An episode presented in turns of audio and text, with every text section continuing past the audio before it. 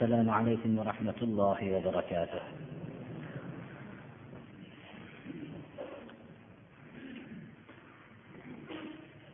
أعوذ بالله من الشيطان الرجيم. وممن خلقنا أمة يهدون بالحق وبه يعدلون. والذين كذبوا بآياتنا سنستدرجهم من حيث لا يعلمون. وأملي لهم إن كيدي متين. Alloh subhanahu va taolo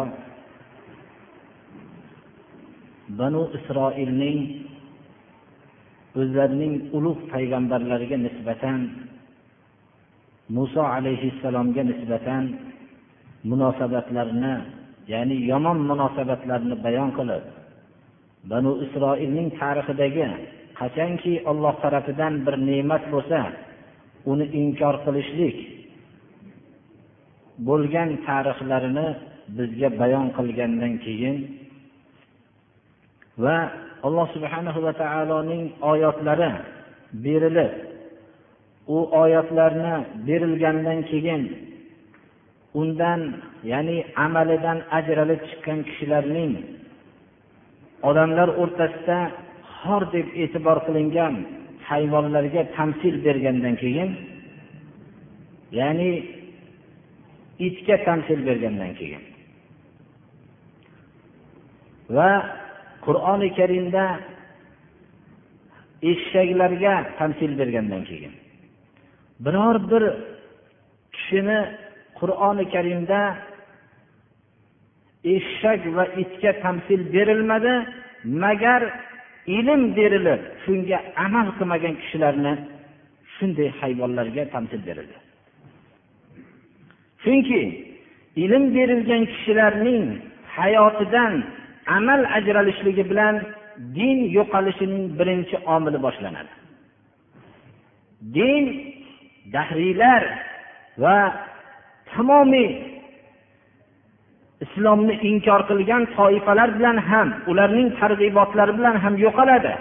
Lekin asosiy yo'qolishligi din peshvolari o'zlarining ilmiga amal qilmasliklari bilan tez muddatda islomga bo'lgan ishonch umumiy odamlardan yo'qolib boradi shuning uchun ham alloh subhanahu va taolo مثل الذين حملوا التوراة ثم لم يحملوها كمثل الحمار يحمل أسفارا deb sura jumada tavrot bilib unga amal qilmagan kishilarning misoli katta kitoblarning ko'targan eshaklarning misoliga o'xshaydi dedi.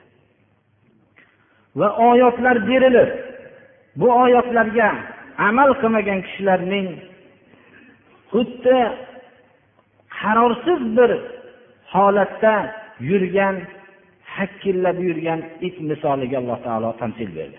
Takror aytamiz avvalgi darsimizda aytgandek odamlar itga o'xshatilsa hozirgi zamondagi itlarniga nisbatan farzandlariga qilmagan yaxshi muomalalarni itlarga qilayotgan millatlarning xulqlariga qarab turib demak yaxshi narsaga o'xshatilibdida deb o'ylashib qolmasin hozirgi vaqtda o'zi boqib olgan itga sarflayotgan pulni ota onasi farzandlariga sarf qilmagan millatlar bor birodarlar. Bu millatlarning bu ishlari insoniyatning qanchalik bir tushkunlaganligiga dalolat qiladi. Rasululloh sollallohu alayhi vasallam dedilar. Kim itni o'ziga shu o'zi boqib tarbiya qilib uyda shunday o'zining foydalanadigan narsasi qilib olgan bo'lsa amali habata bo'ladi dedilar. To'g'ri ba'zi kishilar boqqan ularning habata bo'ladigan amali ham yo'q o'zi lekin mo'min kishi o'zining rasululloh sollallohu alayhi vasallamning ko'rsatmalariga muqayyat qilmoqligi kerak. Ulamolar aksar ulamolar it yalagan narsani idishni yetti bor suv bilan yuvib sakkizinchisini tuproq bilan yuvilgandagina toza bo'ladi deyiladi.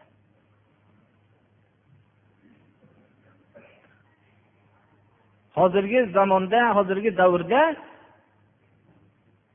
dinga mansub bo'lmagan millatlar itning qanchalik bir insonlarga aralashib yurilishligini zarari haqida juda ko'p maqolalar yozishgan lekin bu narsalar u it bilan og'ushda bo'lgan odamga ta'sir qilmaydi. Allohni oyatlari ta'sir qilmagandan keyin u mutlaqo ta'sir qilmaydi. Shu avvalgi darsimizdagi bayondan keyin alloh subhanahu va taolo o'zi yaratgan bashariyat ichida haqqa haq bilan odamlarni da'vat qilayotgan xalqlar borligini ummat borligini. Ummat bir maslak fikrida jamlangan jamoani ummat deydi. Agarchi u bitta bo'lsa ham. Maslak o'zining yo'liga qattiq muqayyat bo'lgan kishini va kishilar jamoasini ummat deydi agarchi oz bo'lsa ham hatto bitta bo'lsa ham. Alloh subhana va taolo ibrohim alayhissalomni ummat dedi. Chunki ibrohim alayhissalomda alloh subhana va taoloning jo'natgan yo'li tamomiy mujassam bo'lgan edi. Shuning uchun ummat odamlar to'planmasi emas. Bir aqida fikrda jamlangan jamoa ummatdir. Alloh subhana va taolo ummat deb ataganlar ollohning ko'rsatmasida to'la muqayyat bo'lib jamlangan jamoani ummat deydi. Biz yaratgan bashariyat ichida deydi alloh taolo haqqacha haq bilan odamlarni chaqiruvchi ummat bor.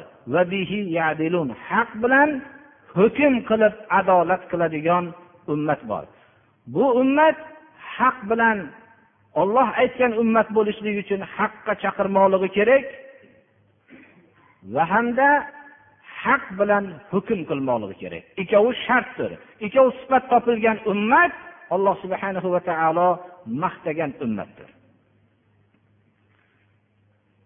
والذين كذبوا بآياتنا سنستدرجهم من حيث لا يعلمون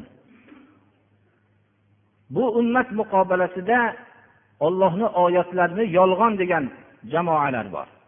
Bular doim haq ummatga ozor beradi. Haqning barpo bo'lishligini ko'ra olmaydi. Doim ularning tutgan yo'llari haqqa amal qilgan kishilarga ozor berishlikdir. Alloh subhanahu va taolo bu holatni ko'rib turadi. O'zi imtihon qilishlik uchun o'zining haqiqiy bandalariga qattiq bir musibatlarni ko'rsatadi. Xuddi hamma payg'ambarlarga va payg'ambarlarga ergashgan haq sahobalar va tobeinlar va qiyomatgacha bo'lgan haq ulamolarga shu musibatlarni berganiga o'xshagan va shu sunnati o'zgarmasdir qiyomatgacha. Lekin alloh subhanahu va taolo ollohni oyatlarini yolg'on degan kishilarni ma'lum bir muddatgacha muhlat bilan qo'yib qo'yadi. Va ollohning tadbiri mustahkam kuchlidir.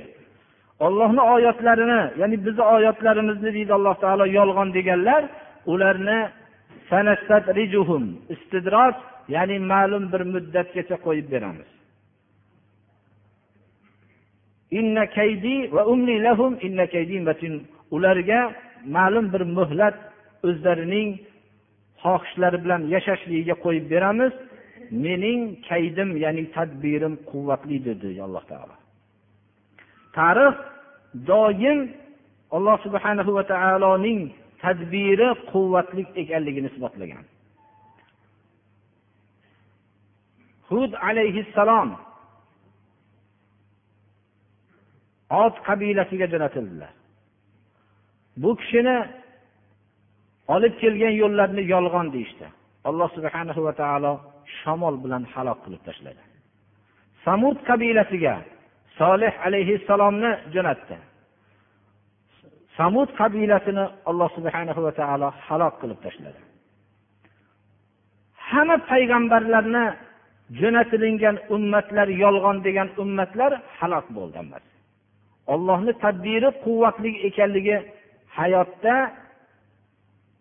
isbot bo'ldi. Qiyomatgacha ollohning tadbiri quvvatli ekanligi qalbi ochiq bo'lgan kishilarga ma'lum bo'lib boraveradi. Rasululloh sollallohu alayhi vasallamni makka mushriklari turli bir yomon laqablar bilan laqablashardi. Ular alloh subhanahu va taoloning qur'onini janobi rasululloh sollallohu alayhi vasallam biror bir madrasada o'qimagan biror bir ustozdan ta'lim olmasdan bo'lgan zotdan shunday fasohatlik mojiz qur'onni eshitishgan vaqtida jinlar bilan aloqasi bor. Bu so'zlar inson so'ziga o'xshamaydi. Bu jinnilik bor bunda deb tuhmatlashardi alloh subhana va taolo bularga xitoban avalam yatafakkaru odamlar bir fikr qilishmaydimi? O'zlarining sohib birodarlarida hech qanday jinnilik yo'q. In huwa illa nazirun mubin. Muhammad alayhissalom jahannamdan ogohlantiruvchi va jannatni bashoratini beruvchi va bu bashorat xabarlarida tiniq bir xabar beruvchi zotdir deb ularning fikr qilishligiga chorlaydi. Inson muhammad alayhissalomni shunday aqllik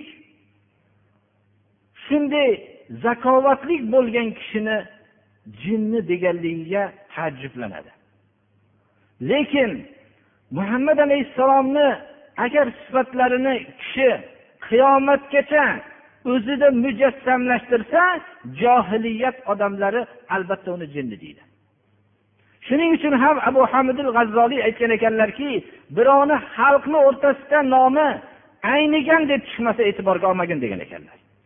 Chunki qaysi zot ulug' haq yo'ldagi muhammad alayhissalomdan ko'ra muhammad alayhissalomni odamlar aynigan deyishdiyu. Agar xalqlar o'rtasida birovni majnun deb nomi chiqmagan bo'lsa uni ham e'tiborga olinmagan hatto muhammad alayhissalomdan aqlli kishi bormi yer kurrasida qiyomatgacha shu kishini ham jinni deyishdiyu. Inson shunchalik so'zlar bilan ham taajjublanadi. Nahotki shunchalik aqlli insonni odamlar insof qilmasdan shu jinni deyishgan bo'lsa ham deb lekin inson agar muhammad alayhissalomni sifatlarini o'zida hayotning qaysi davrida mujassamlashtirsa shu vaqtda jinni degan nomni oladi. Agar shu jamoada o'tirgan kishilarning har qandaysi hozir o'rnidan turib shu bozorga kirib biror bir balandlikka chiqib ey odamlar! deb qichqirsa hammalari shunga qaraydi. Shunda turib ollohni buyruqlarini haq ekanligini iymon islomdan haq tushuntirib va ollohning qiyomatda o'lgandan keyingi tirilish haqligini va qiyomat dahshatlarini bayon qilsa odamlar sekin burilib ketaveradi. Boshqa eshitmagan odamlar bu odam nima deyapti? desa sal aqldan ozib qolibdi deydi.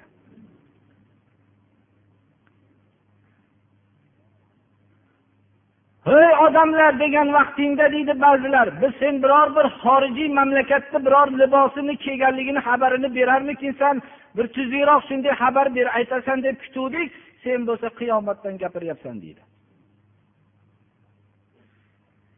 Ularning asli quloq solishligi rasululloh sollallohu alayhi vasallamga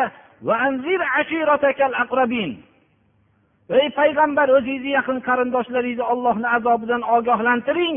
Ular ichimizdan payg'ambar chiqqan deb amalga sust bo'lib qolishmasin deb ogohlantirganlarda safo tog'iga chiqdilarda ey bani muttolib bani hoshim deb hamma qabilalarni quraysh qabilalariga xitob qildilar hammalari jamlanishdi.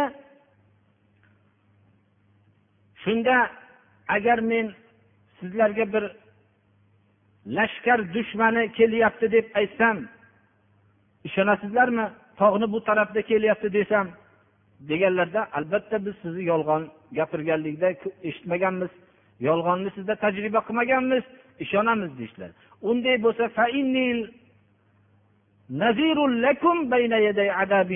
qattiq ollohni azoblari bor shuni ogohlantiraman sizlarni dedilar. Shunda abu lahab dedi. Shunga jamladingmi dedi. Biror bir korvon yangi korvon kelyaptimikin deb xabar berarmikinsan deb chiqqan edik biz dedi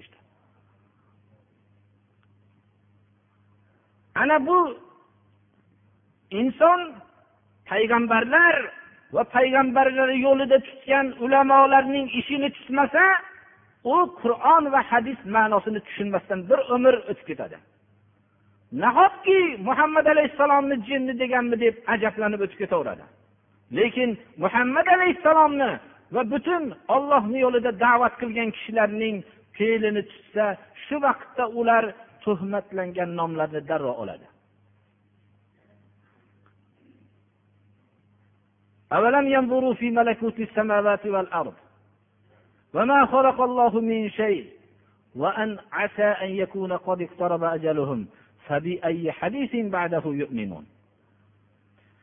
koinoti yerni koinoti yerdagi mulklarni bir fikrlashmaydimi?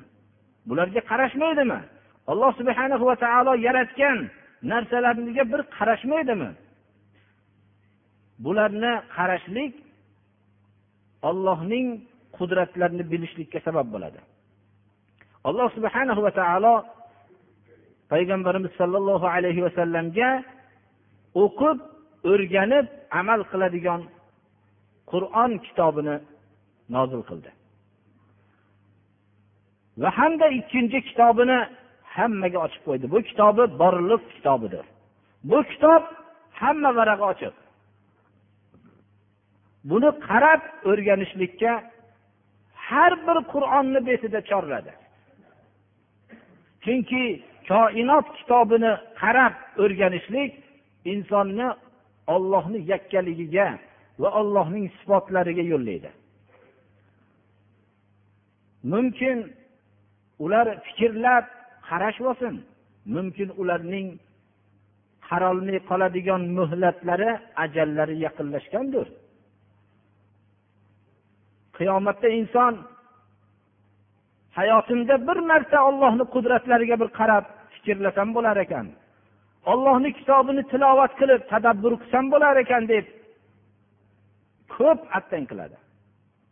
Shuning uchun ham bir soat fikrlashlik bu bir yillik ibodatdan afzal deb ogohlantirilgan.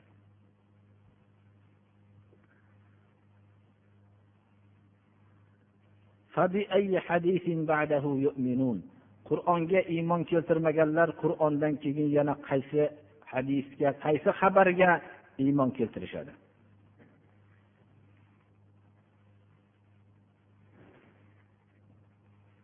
Moddiy falsafa yo'li doim koinotga qaragan kishilar va insonning ichki a'zolarini o'rganish bilan mutaxassis bo'lgan kishilarga nisbatan avval ilhod darsini ko'p tushuntirishadi. Ya'ni butun narsani tabiatga nisbatlab hech qanday bir ilohiy kuch yo'q deb avval qalbini o'ldirib oladi. Odamning ichki a'zolarini fanida mutaxassis bo'lgan odamlarning darsliklarini tekshirilsa avval ularga dahriylikni ko'proq e'tibor beradi. Nima uchun insonni a'zolari bilan shug'ullanayotgan mutaxassislarga dahriylikning nima aloqasi bor? Ularning bu mutaxassis bo'lib qolishlik majbur qiladiki yaratuvchining borligiga tan olishlikka. Shuning uchun ham bu haqda fikrlab qolishlikdan ehtiyot bo'lib bu go'yoki bu jasadlarni bir hech bir ma'nosi yo'q jasaddek shunchalik ichki a'zolar sohasida mutaxassis bo'lgan odamlar ham hatto dahriylarning peshvosi bo'lib qolaveradi. Olloh saqlaganlar bundan mustasno. inson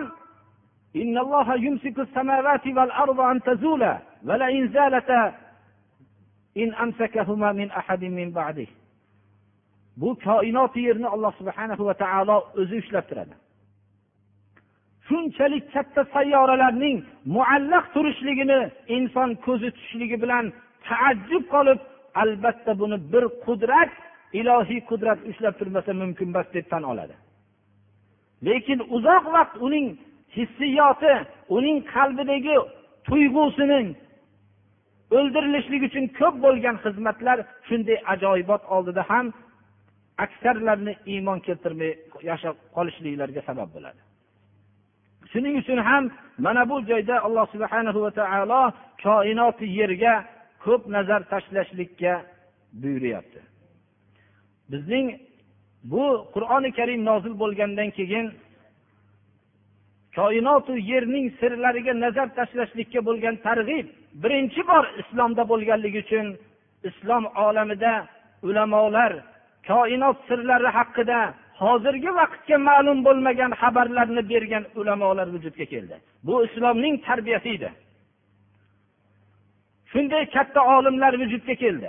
Ular o'zlarining oddiy asboblari bilan hozirgi murakkab jihozlar o'lcholmagan narsalarni aniqlik bilan o'lchashlikka musharraf bo'lishdilar. Islom olamida bularning kitoblari yondirilmadi bularning tirik o'tga yaqilmadi bular o'zlarining hayotlarida juda ham hurmatli bo'lib yashashdi. To'g'ri ba'zi islomning tushunmagan kishilar tarafidan bularga tazyiq bo'lganligi mumkin lekin islom rahbar bo'lib turgan vaqtida hech qanday bularga tazyiq bo'lmadi. Ammo o'zgalarning olamida boshqa dinga o'zlarining kitoblarini o'zgartirgan olamda yer kurrasining yumaloqligi yoinki harakatda turishlariga e'lon qilganlarni islom salib urishi natijasida ular islom olamidan shunday ilmlarni olib ketganlaridan keyin o'zlarining diyorlarida yer kurrasini yumaloqligi yoinki harakatdaligini e'lon qilishlik bilan tirik o'tda yaqilishlikka ro'baro bo'lishdilar. Islom olamida bunday dahshatli hayvoniylik vahshiylik sodir bo'lgani yo'q. Shuning uchun ham bu islom olamida koinot sirlari haqidagi bayon qilingan bayon qiluvchi ulamolarning tarixiga nazar tashlansa ming yildan ko'ra ko'proq tarixni o'z ichiga olsa boshqalarniki uch yuz yildan ortmaydi birodarlar. Tarix o'zining haq so'zini aytaveradi. Agarki buni uzoq yillar bulg'ansa ham o'zining haqiqatini baribir ochaveradi.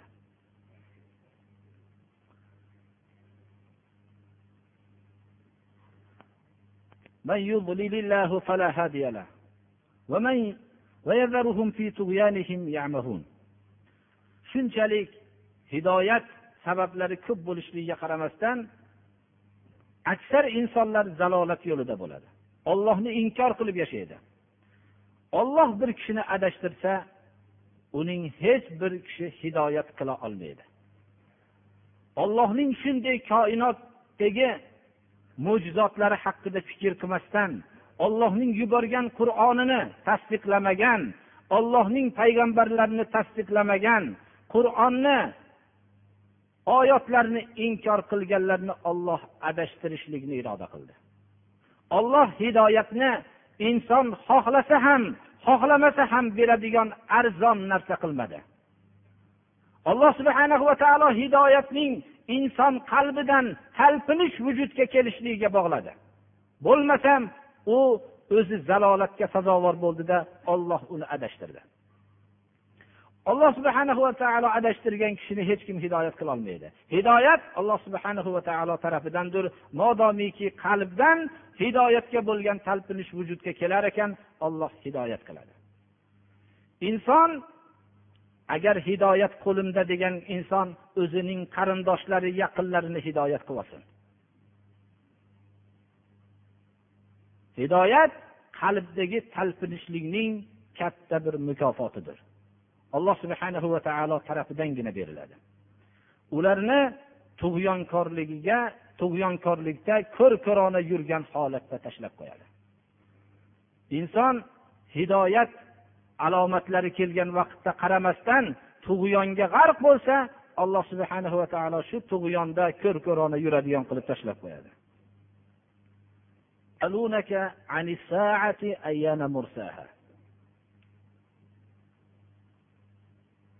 Sizdan so'rashadi qiyomat haqida.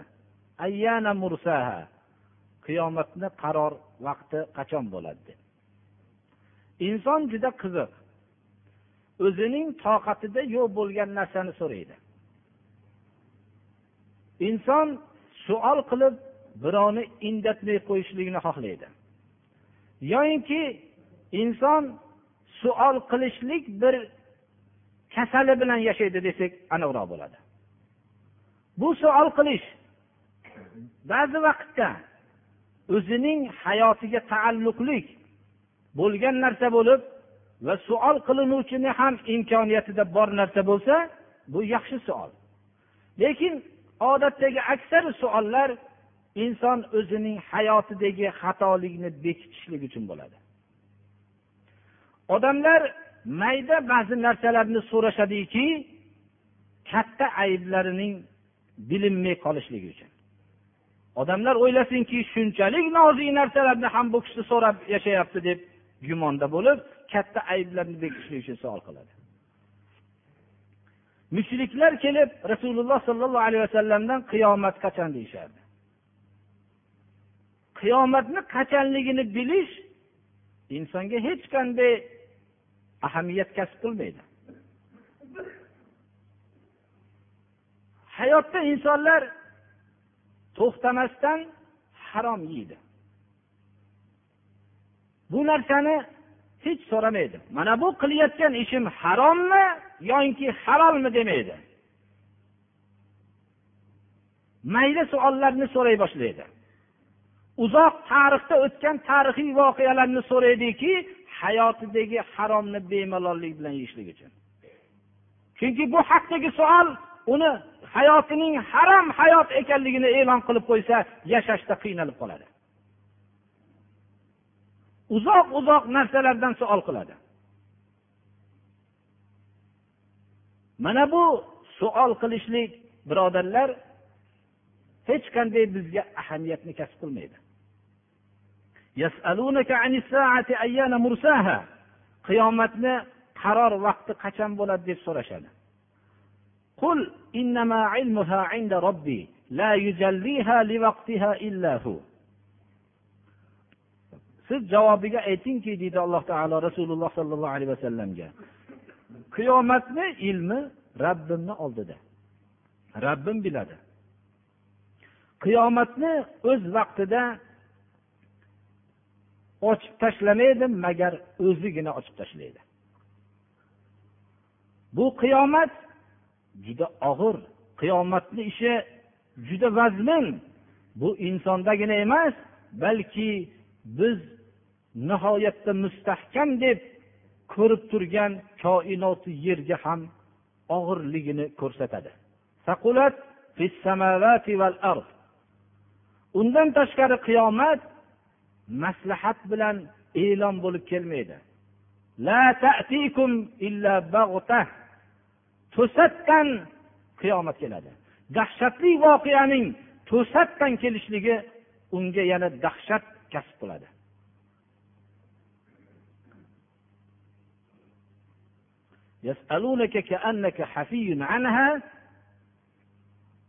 Sizdan qiyomat haqida so'rashadi. Go'yoki siz qiyomat haqida javob berishlikka mutaxassis shunga jo'natilingandek qiyomatdan ko'p so'rashadi bular. Ollohni huzurida buni ilmi deb e'lon qiling deb takror aytadi alloh taolo.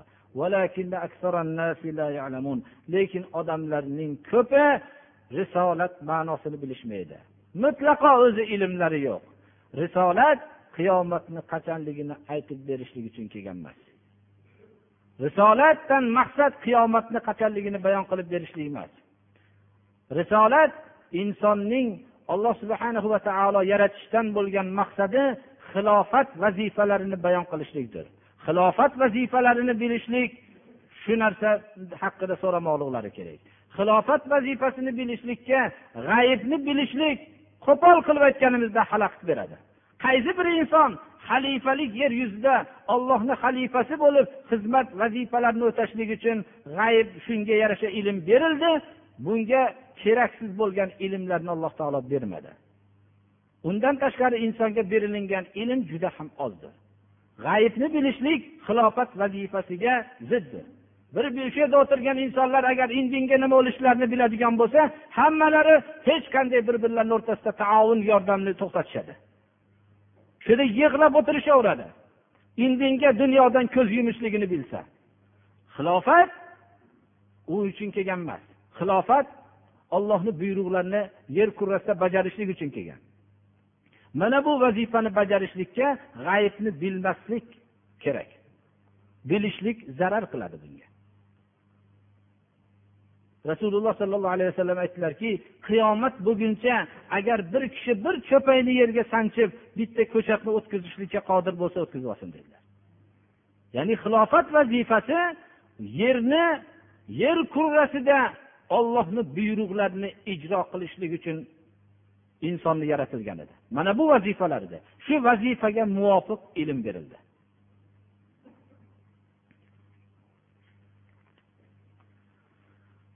Sollallohu alayhi vasallamni u kishini qanchalik ulug' zot ekanliklarini allohga qanchalik yaqinlik yaqin ekanliklarini nihoyatda hammamiz ijmoliy suratda bilamiz. Allohga eng yaqin inson muhammad alayhissalom deb bilamiz. Ollohni yaratgan bashariyatini ichidagi eng ulug' zot muhammad alayhissalom deb bilamiz.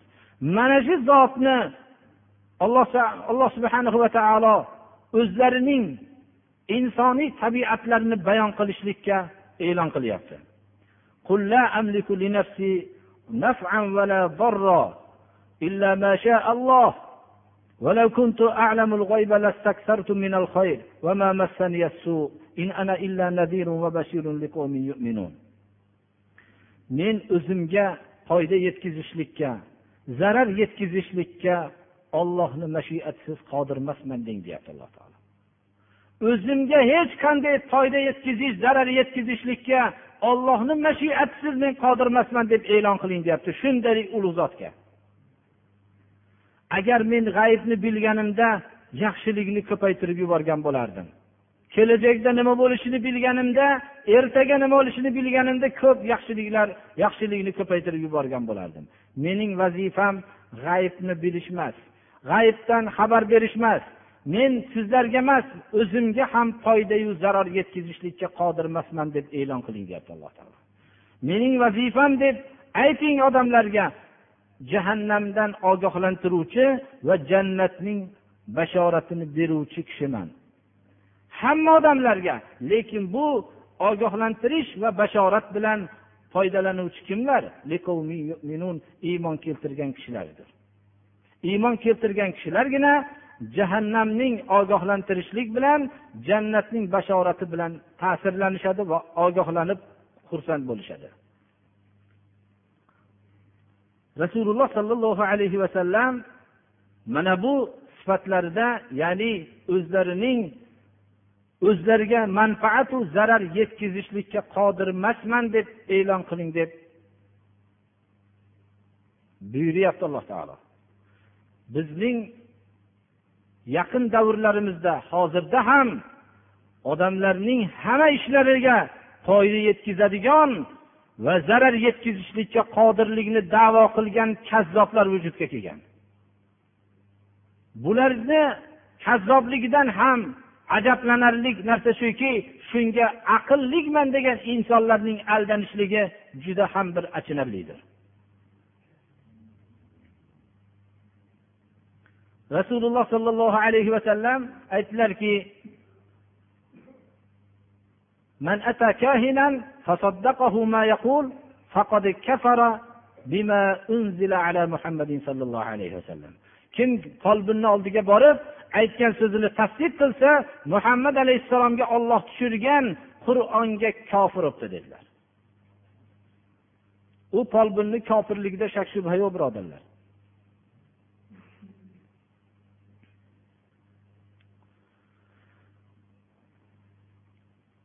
الذي خلقكم من نفس واحدة وجعل منها زوجها ليسكن إليها insonni bu oyat tavhid masalasidagi yangi bir harakatga yo'llayapti. Bu qissani surati haqida ba'zi ma'lum bir kishilarga haqida nozil bo'lganligi haqida ba'zi rivoyatlar bor. U rivoyatlar ishonarli emas. Bu umumiy bir holatni alloh subhana va taolo bayon qilyapti. Olloh insonni bashariyatning bir insondan yaratishlikni iroda qildi. Va u insondan juftini yaratib shu jufti bilan birga qo'shilishligi natijasida bashariyatning vujudga kelishligini xohladi. Olloh yaratdi insonni bir kishidan. Sizlarni bir kishidan yaratdi. Olloh yaratdi. Va bu bir kishidan juftini yaratdi. Juftiga moyil bo'lishlik uchun. Inson hayotda doim er va ayol bir biriga moyil bo'lishligi uchun yaratdi. Insonni birinchi yaratilishlik vaqtidagi jufti ayolning yaratilishligini alloh subhana va taolo er kishi shunga moyil bo'lib sukunat shu o'zining jufti bilan birga yashab orom bilan yashab o'zi hayotning beqarorligidan xotirjam yashashligini bayon qilyapti.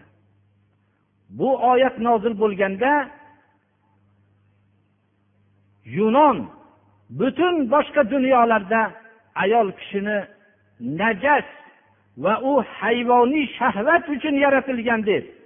Yoyinki eng mo'tabar bo'lganda qasrlarda o'zining jinsiy bir lazzati uchun yaratilgan deb faylasuflari bahs yuritardi. Alloh subhana va taolo ayolni yaratishligi vaqtidagi o'zining jufti orom bu bilan butun sukunat bilan hayot beqarorligidan orom bilan yashaydigan inson ekanligini bayon qilyapti. Islom ayolni haqidagi gapirgan so'zlariga mana qur'oni karim hadisi muboraklarda qanchalik baland martabaga qo'yib aytganligini bilamiz. Bu vaqtda urug' va o'rmon qonuni bilan yashardi birodarlar. Ya'ni zo'ravoni zo'r kuchsizini yeb yeydigan qonun bilan yashardi. Shuning uchun ayol haqida islomga bo'lgan tuhmatlarning hammasi kizibdir birodarlar. Rasululloh sollallohu alayhi vasallam dedilar. Sizlarni dunyoinglardan uch narsa menga suyumli qilindi dedilar. Qalbimga yaxshi ko'rsatildi. Bittasi attib xushbo'y narsa. Ba'zi o'rinlarda muqaddam oxir keltirilgan ikkinchisi qurratu namozdagi quvonch dedilar. Namozda quvonardilar. Namoz o'qishlari bilan rohatlanardilar. Va nisa ayollar dedilar. Rasululloh sollallohu alayhi vasallam oilalarni nihoyatda yaxshi ko'rganlar. Hatto amr ibn as yer kurrasida sizga eng suyimli kim? deganlarda oyisha deganlar. Roziyallohu anhu rasululloh sollallohu alayhi vasallam biror bir qo'y so'ysalar shunda qo'yni bir ulushini bir joyga jo'natardilar. Falonchixonga olib boringlar dedilar. Nima uchun dedilar? Hadija bilan bordi keldi qilib yurardi dedilar.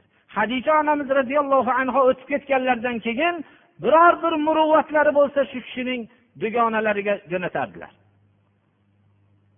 Inson har bir inson aytsin o'zini oilasi o'tib ketgandan keyin hali ota onasini hech ham eslamaydi.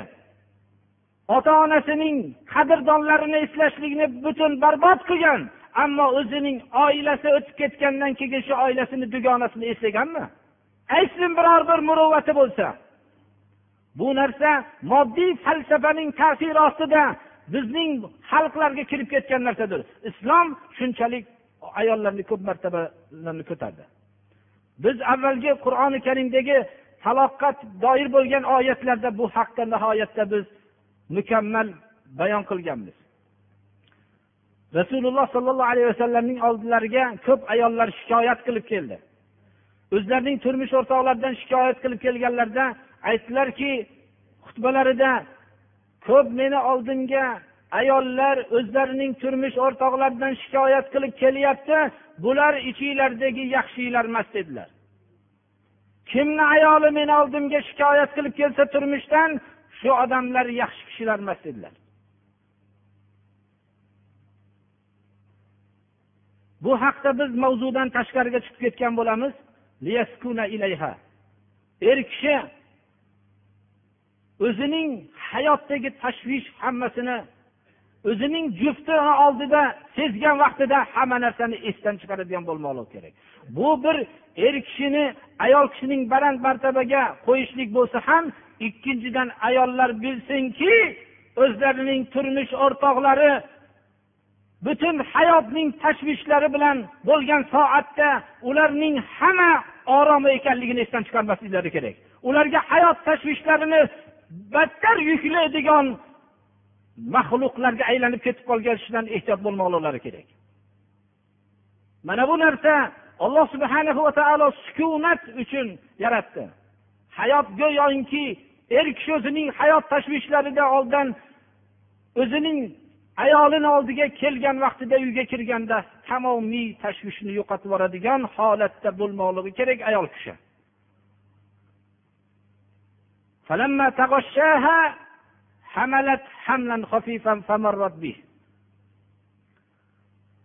Shu o'rinda shuni ham aytishimiz kerakki ba'zi bir din dushmanlari aytishlari mumkinki sizlarning bu aytayotgan so'zinglar faqat og'zinglarda deyishligi mumkin.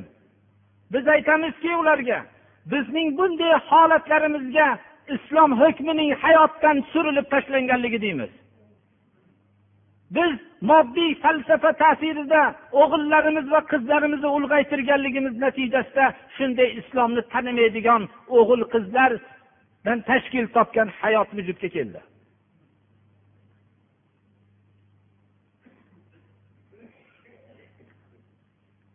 Bo'lmasam islom tarixida nihoyat darajada biz yaqin tariximizni ham olsak iymonning pilpillab nuridan bir qism qolgan vaqtda ham turmush qurilgan xonadonlar ajdodlarimiz bir birlarini ko'rmasdan turmush qilganlar ham juda sukunat bilan o'tganligini u yoshi o'rtacha va katta bo'lgan kishilar biladi agarchi yoshlar bilmasa ham. Hozirgi vaqtda uyda sodir bo'layotgan janglar birortasi bo'lgan emas birodarlar. Bizning ajdodlarni hammasini turmushlarini muhabbat bilan bo'lmadi degan davo qilganlar ularning hayotlarini zarrachasini ham ko'rishganlari yo'q. Ular juda ittifoqlar ittifoq edi ular. Endi hamma tohir zuhrayu layli majnun bo'lib turmush qilganlarning ko'rsangiz agarchi bir biriga qattiq dushmanlar ham bunday hayot yashamaydi birodarlar.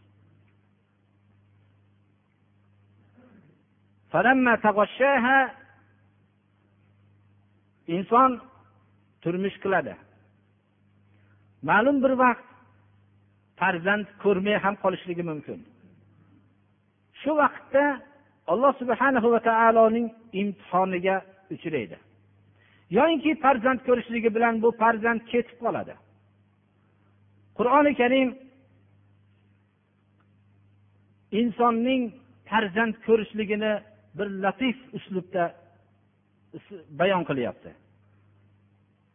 Er o'zining ayolini bilan go'yoki pardalanganda ya'ni jinsiy aloqadan kinoyada ayol yengil bir homila bo'ldi.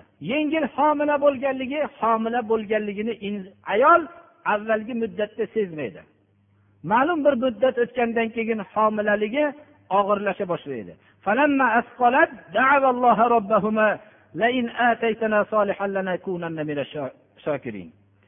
Og'irlashganda ayol eru ayolning tavajjuhi farzandga bo'ladi.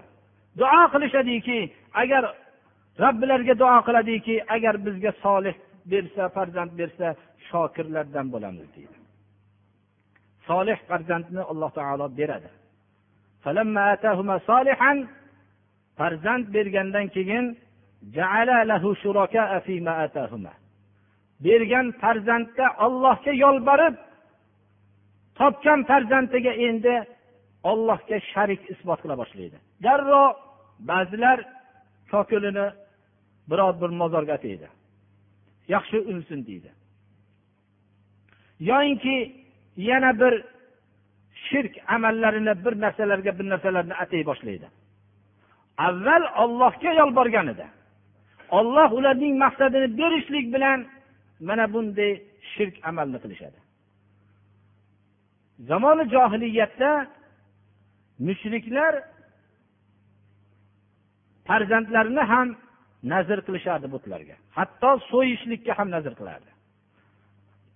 Quraysh ichidagi eng katta hurmatli bo'lgan rasululloh sollallohu alayhi vasallamning opa dadalari abdul muttolib agar olloh o'nta farzand bersa o'ninchisini butga nazr qilib so'yaman deb nazr qildi. O'ninchi farzand janobi rasululloh sollallohu alayhi vasallamning dadalari abdulloh bo'ldi. So'yishlikka jur'at qilolmasdan yuzta tuya butga berib bolani qutqarib oldi. Hozirgi vaqtda ham bundan ilgarigi yaqin tarixlarda ham bunday mushriklik sifati bilan yashagan ota onalar ko'p bo'lgan. Uning o'zini biror bir mozorga yo bir joyga nazr qilolmasa sochining bir qismini nazr qilgan. Shu mozorga olib borib shu yerda sochini oldirib shu mozorga berib kelgan. Alloh subhana va taolo inson ollohdan bir narsani so'raydi olloh bergandan keyin shirkni boshlaydi.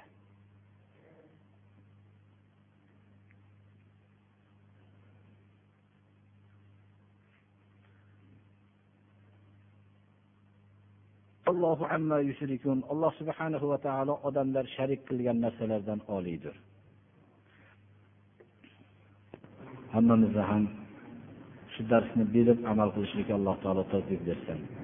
Alloh subhana va taolo mana bu yerda duo talab qilishibdilar. Alloh taolo dardlariga shifo bersin. Alloh subhana va taolo hammamizni ham islomga xizmat qiladigan kishilardan qilsin.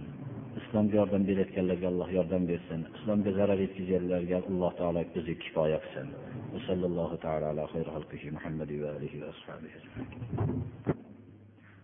Alloh subhanahu va taolodan taqvo qilishlikka avvalo o'zimni sizlarni vasiyat qilaman.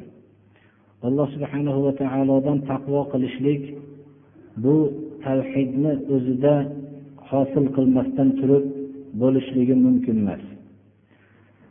Lekin biz tavhidni mujassam qilishtirishlikda o'zimizda tavhidni ketkizuvchi narsalar haqida ham yaxshi bilmoqligimiz kerak. Xuddi tahoratni ketkizuvchi narsalar bo'lganga o'xshagan tavhidni ham ketkizuvchi narsalar bor. Tahoratni ketkizuvchi narsalarni birortasi tahorat qilgan kishida sodir bo'lsa tahorati yo'q bo'ladi agarchi u tahoratim bor deb davo qilsa ham. Shunga o'xshagan tavhidni ketkizuvchi narsalar insondan sodir bo'lsa u men muvahhidman mo'minman musulmonman desa ham nechi bor aytgan bo'lsa ham u tavhid undan ketishligi bilan muvahhid kishilardan hisoblanmaydi. Tavhidni ketkizuvchi narsalar bayoni qisman bir to'rga taqsimlanadi. Birinchi yaratuvchi tarbiyat kunanda qiluvchini inkor qilishlik. Ikkinchi ma'bud ilohni inkor qilishlik. Uchinchi ollohning ism va sifatlarini inkor qilib tan yetkazishlik. To'rtinchi muhammad alayhissalomning risolatini inkor qilishlik. Shu narsani birinchisiga bir to'xtalib o'tamiz. Rab xoliqni inkor qilish bu dahriylarning ishidir. Dahriylar olamni yaratuvchi yo'q deb aytishadi. Bu kufr yaratuvchini va tarbiyat kunandani inkor qilish ya'ni tabiat yaratuvchi deb tan olish tabiatni tasodifan vujudga kelgan deb tan olish bu kufrdir. Bu islomdan ilgarigi mushriklar ham bu darajada kofir bo'lgan emas. Hattoki shaytonda shayton ham bu suratda kofir bo'lgan emas. Chunki islomdan ilgarigi mushriklar alloh subhanahu va taoloni yaratuvchi deb tan olishardi. Koinoti yerni kim yaratgan desa olloh deyishardi. Koinoti yerdan kim rizq beradi desa olloh deyishardi. Koinoti yerni kim boshqaradi desa olloh deyishardi. Ollohning ba'zi bir sifatlariga iqror bo'lishardi. Shayton ham ollohning xoliq sifatiga bu iqror bo'lgan. Ana minhu min narin min tin. Shayton odamga sajda qilmagan vaqtida alloh subhanahu va taolo nimaga sajda qilmading deganda sen meni o'tdan yaratgansan uni loydan yaratgansan deb ollohni yaratuvchi sifatini tan olgan. Qaysi bir kishi tabiat yaratdi tabiat o'zidan o'zi bo'ldi desa islomdan ilgarigi mushriklardan battar kofir bo'lgan hatto shaytonning kufridan ham battar kofirdir. Mana bu narsani biz bilmoqligimiz kerak. Shu so'zni aytgan odam har qancha ajdodini eslab qo'y so'ysin har qancha rasmiy marosimlarni o'tkazsin u kofirdir. Chunki xoliq ilohni rabbil ilohni inkor qilishlik bu eng qattiq bir iymonni ketkazuvchi narsadir. Ikkinchisi ma'bud ilohni inkor qilishlik. Ollohni yaratuvchi deb tan oladi. Ollohni rizq beruvchi deb tan oladi. Koinoti yerni tarbiyat qiluvchi olloh deb tan oladi. Olloh o'ldiruvchi tiriltiruvchi deb tan oladi. Lekin ollohni o'zigagina sig'inmaydi. Ollohni yagona ma'bud deb tan olmaydi. Ollohga ham ibodat qiladi va boshqa narsalarga ham ibodat qiladi. Bu iymonni ya'ni tavhidni ketkazuvchi narsadir. xuddi bu islomdan ilgarigi mushriklardandir hatto islomdan ilgarigi mushriklar ham tavhidni tan olishardi boshlariga musibat yetgan vaqtda فإذا ركبوا في الفلك دعوا الله مخلصين له الدين فلما نجاهم إلى البر إذا هم يشركون kemada bular katta bir dengizlarga tushganda ollohga dinni xolis qilib duo qilishardi Faqat ollohni o'ziga sig'inishardi. Qirg'oqqa chiqishganda keyin mushrikligini davom ettirishardi. Ammo hozirdagi ko'p mushrik bo'lgan kimsalar borki ular qattiqchilikda ham mushrik bo'lib turishadi. Bu islomdan ilgarigi shirkdan ham battar narsadir. Ba'zi bir kishilar o'zlari shirk keltirgan narsalarga biz bularni foyda ham yetkazadi zarar ham yetkazadi deb e'tiqod qilmaymiz biz o'zimiz bilan olloh o'rtasida vosita deb bilamiz degan kishilar ayni islomdan ilgarigi mushriklar xuddi shunday mushrik bo'lishgan vosita qilganliklari uchun mushrik bo'lishgan والذين يعبدون والذين يدعون من دونه والذين يدعون من دون الله ما لا ينفعهم ولا يضرهم ما نعبدهم إلا ليقربونا إلى الله زلفى o'zlariga foyda ham zarar ham yetkazmaydigan narsaga sig'inib duo qilib ibodat qilayotganlar ya'ni ular foyda yetkazmaydi zarar yetkazmaydi deb e'tiqod qilishardi. Bular faqat biz ollohga yaqin qiladi bir nav'an bir surat bilan yaqin qiladi deb ibodat qilamiz deyishardi. Shuning uchun mushrik bo'lishdi. Rasululloh sollallohu alayhi vasallam ular bilan kelishmadilar. Biz mana bu narsani bilmoqligimiz kerak.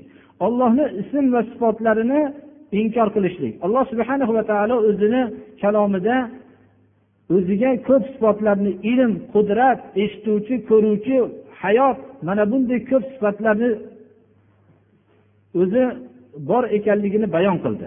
Rasululloh sollallohu alayhi vasallam hadisi muboraklarda bayon qildilar. Va qur'oni karimda arab tilida yad va soq mana bu sifatlarni alloh subhanahu va taolo o'zini kalomida yadullohi deb shu sifatlarni zikr qildi. Biz bularni tavil qilmasdan o'zining zotiga loyiq bo'lgan sifatlar deb e'tiqod qilmoqligimiz kerak. Bularni inkor qilishlik bu iymonni tavhidni ketkazuvchi narsadir. To'rtinchisi risolati muhammad sollallohu alayhi vasallamni inkor qilishlik bu tavhidni ketkazadi.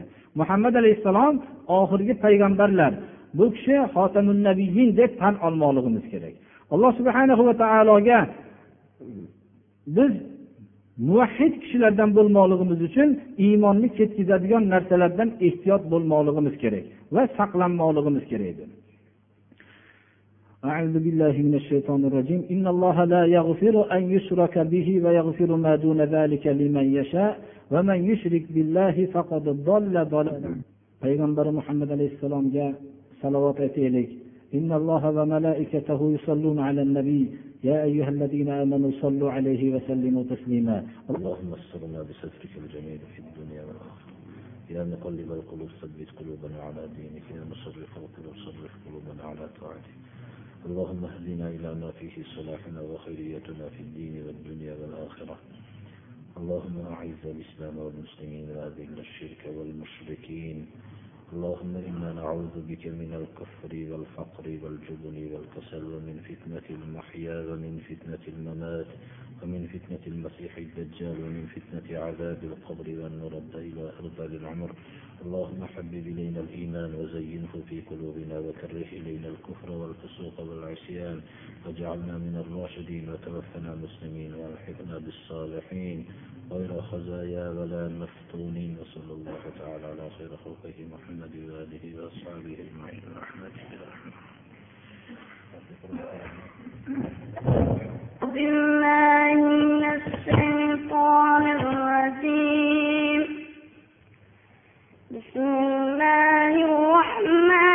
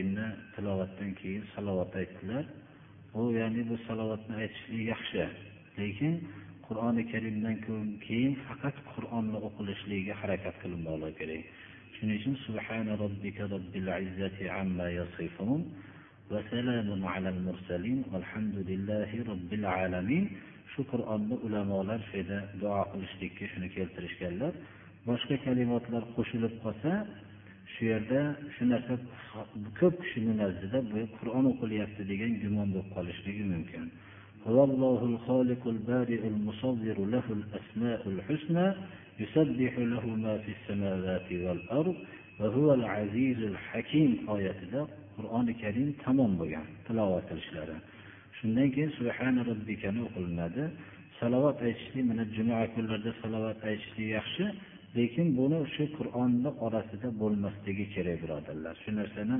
ya'ni bu yerda yana bir ko'pchilik eshitib turganligi uchun shu narsani aytib qo'ymoqligimiz kerak. Ammo shu ukamizni duo qilaylik alloh taolo mana birinchi shu yerda qur'on yurdilar. Alloh taolo hofizi qur'onlardan qilsin tavhidni bildirsin tavhidga amal qilishlikka alloh tavfiq bersin. Alloh subhanahu va taolo qur'onni ma'nosi bilan qalbiga jo qilsin dinga xizmat qiladigan kishilardan qilsin hammamizni ham farzandlarimizni solih solihalardan qilib din islomga xizmat qiladiganlardan qilsin اللهم تقبل منا انك انت السميع العليم الله سبحانه وتعالى o'qigan namozimizni qabul qilsin o'tgan haftadagi gunohlarimizga kaforat Günahlarımızı mağfiret kılsın. İbadetlerimizi Allah kabul kılsın. Mehmallarımızı kadınları Allah hasanatlar kılsın. Sallallahu taala ala hayra halkihi Muhammed ve alihi ve ashabihi.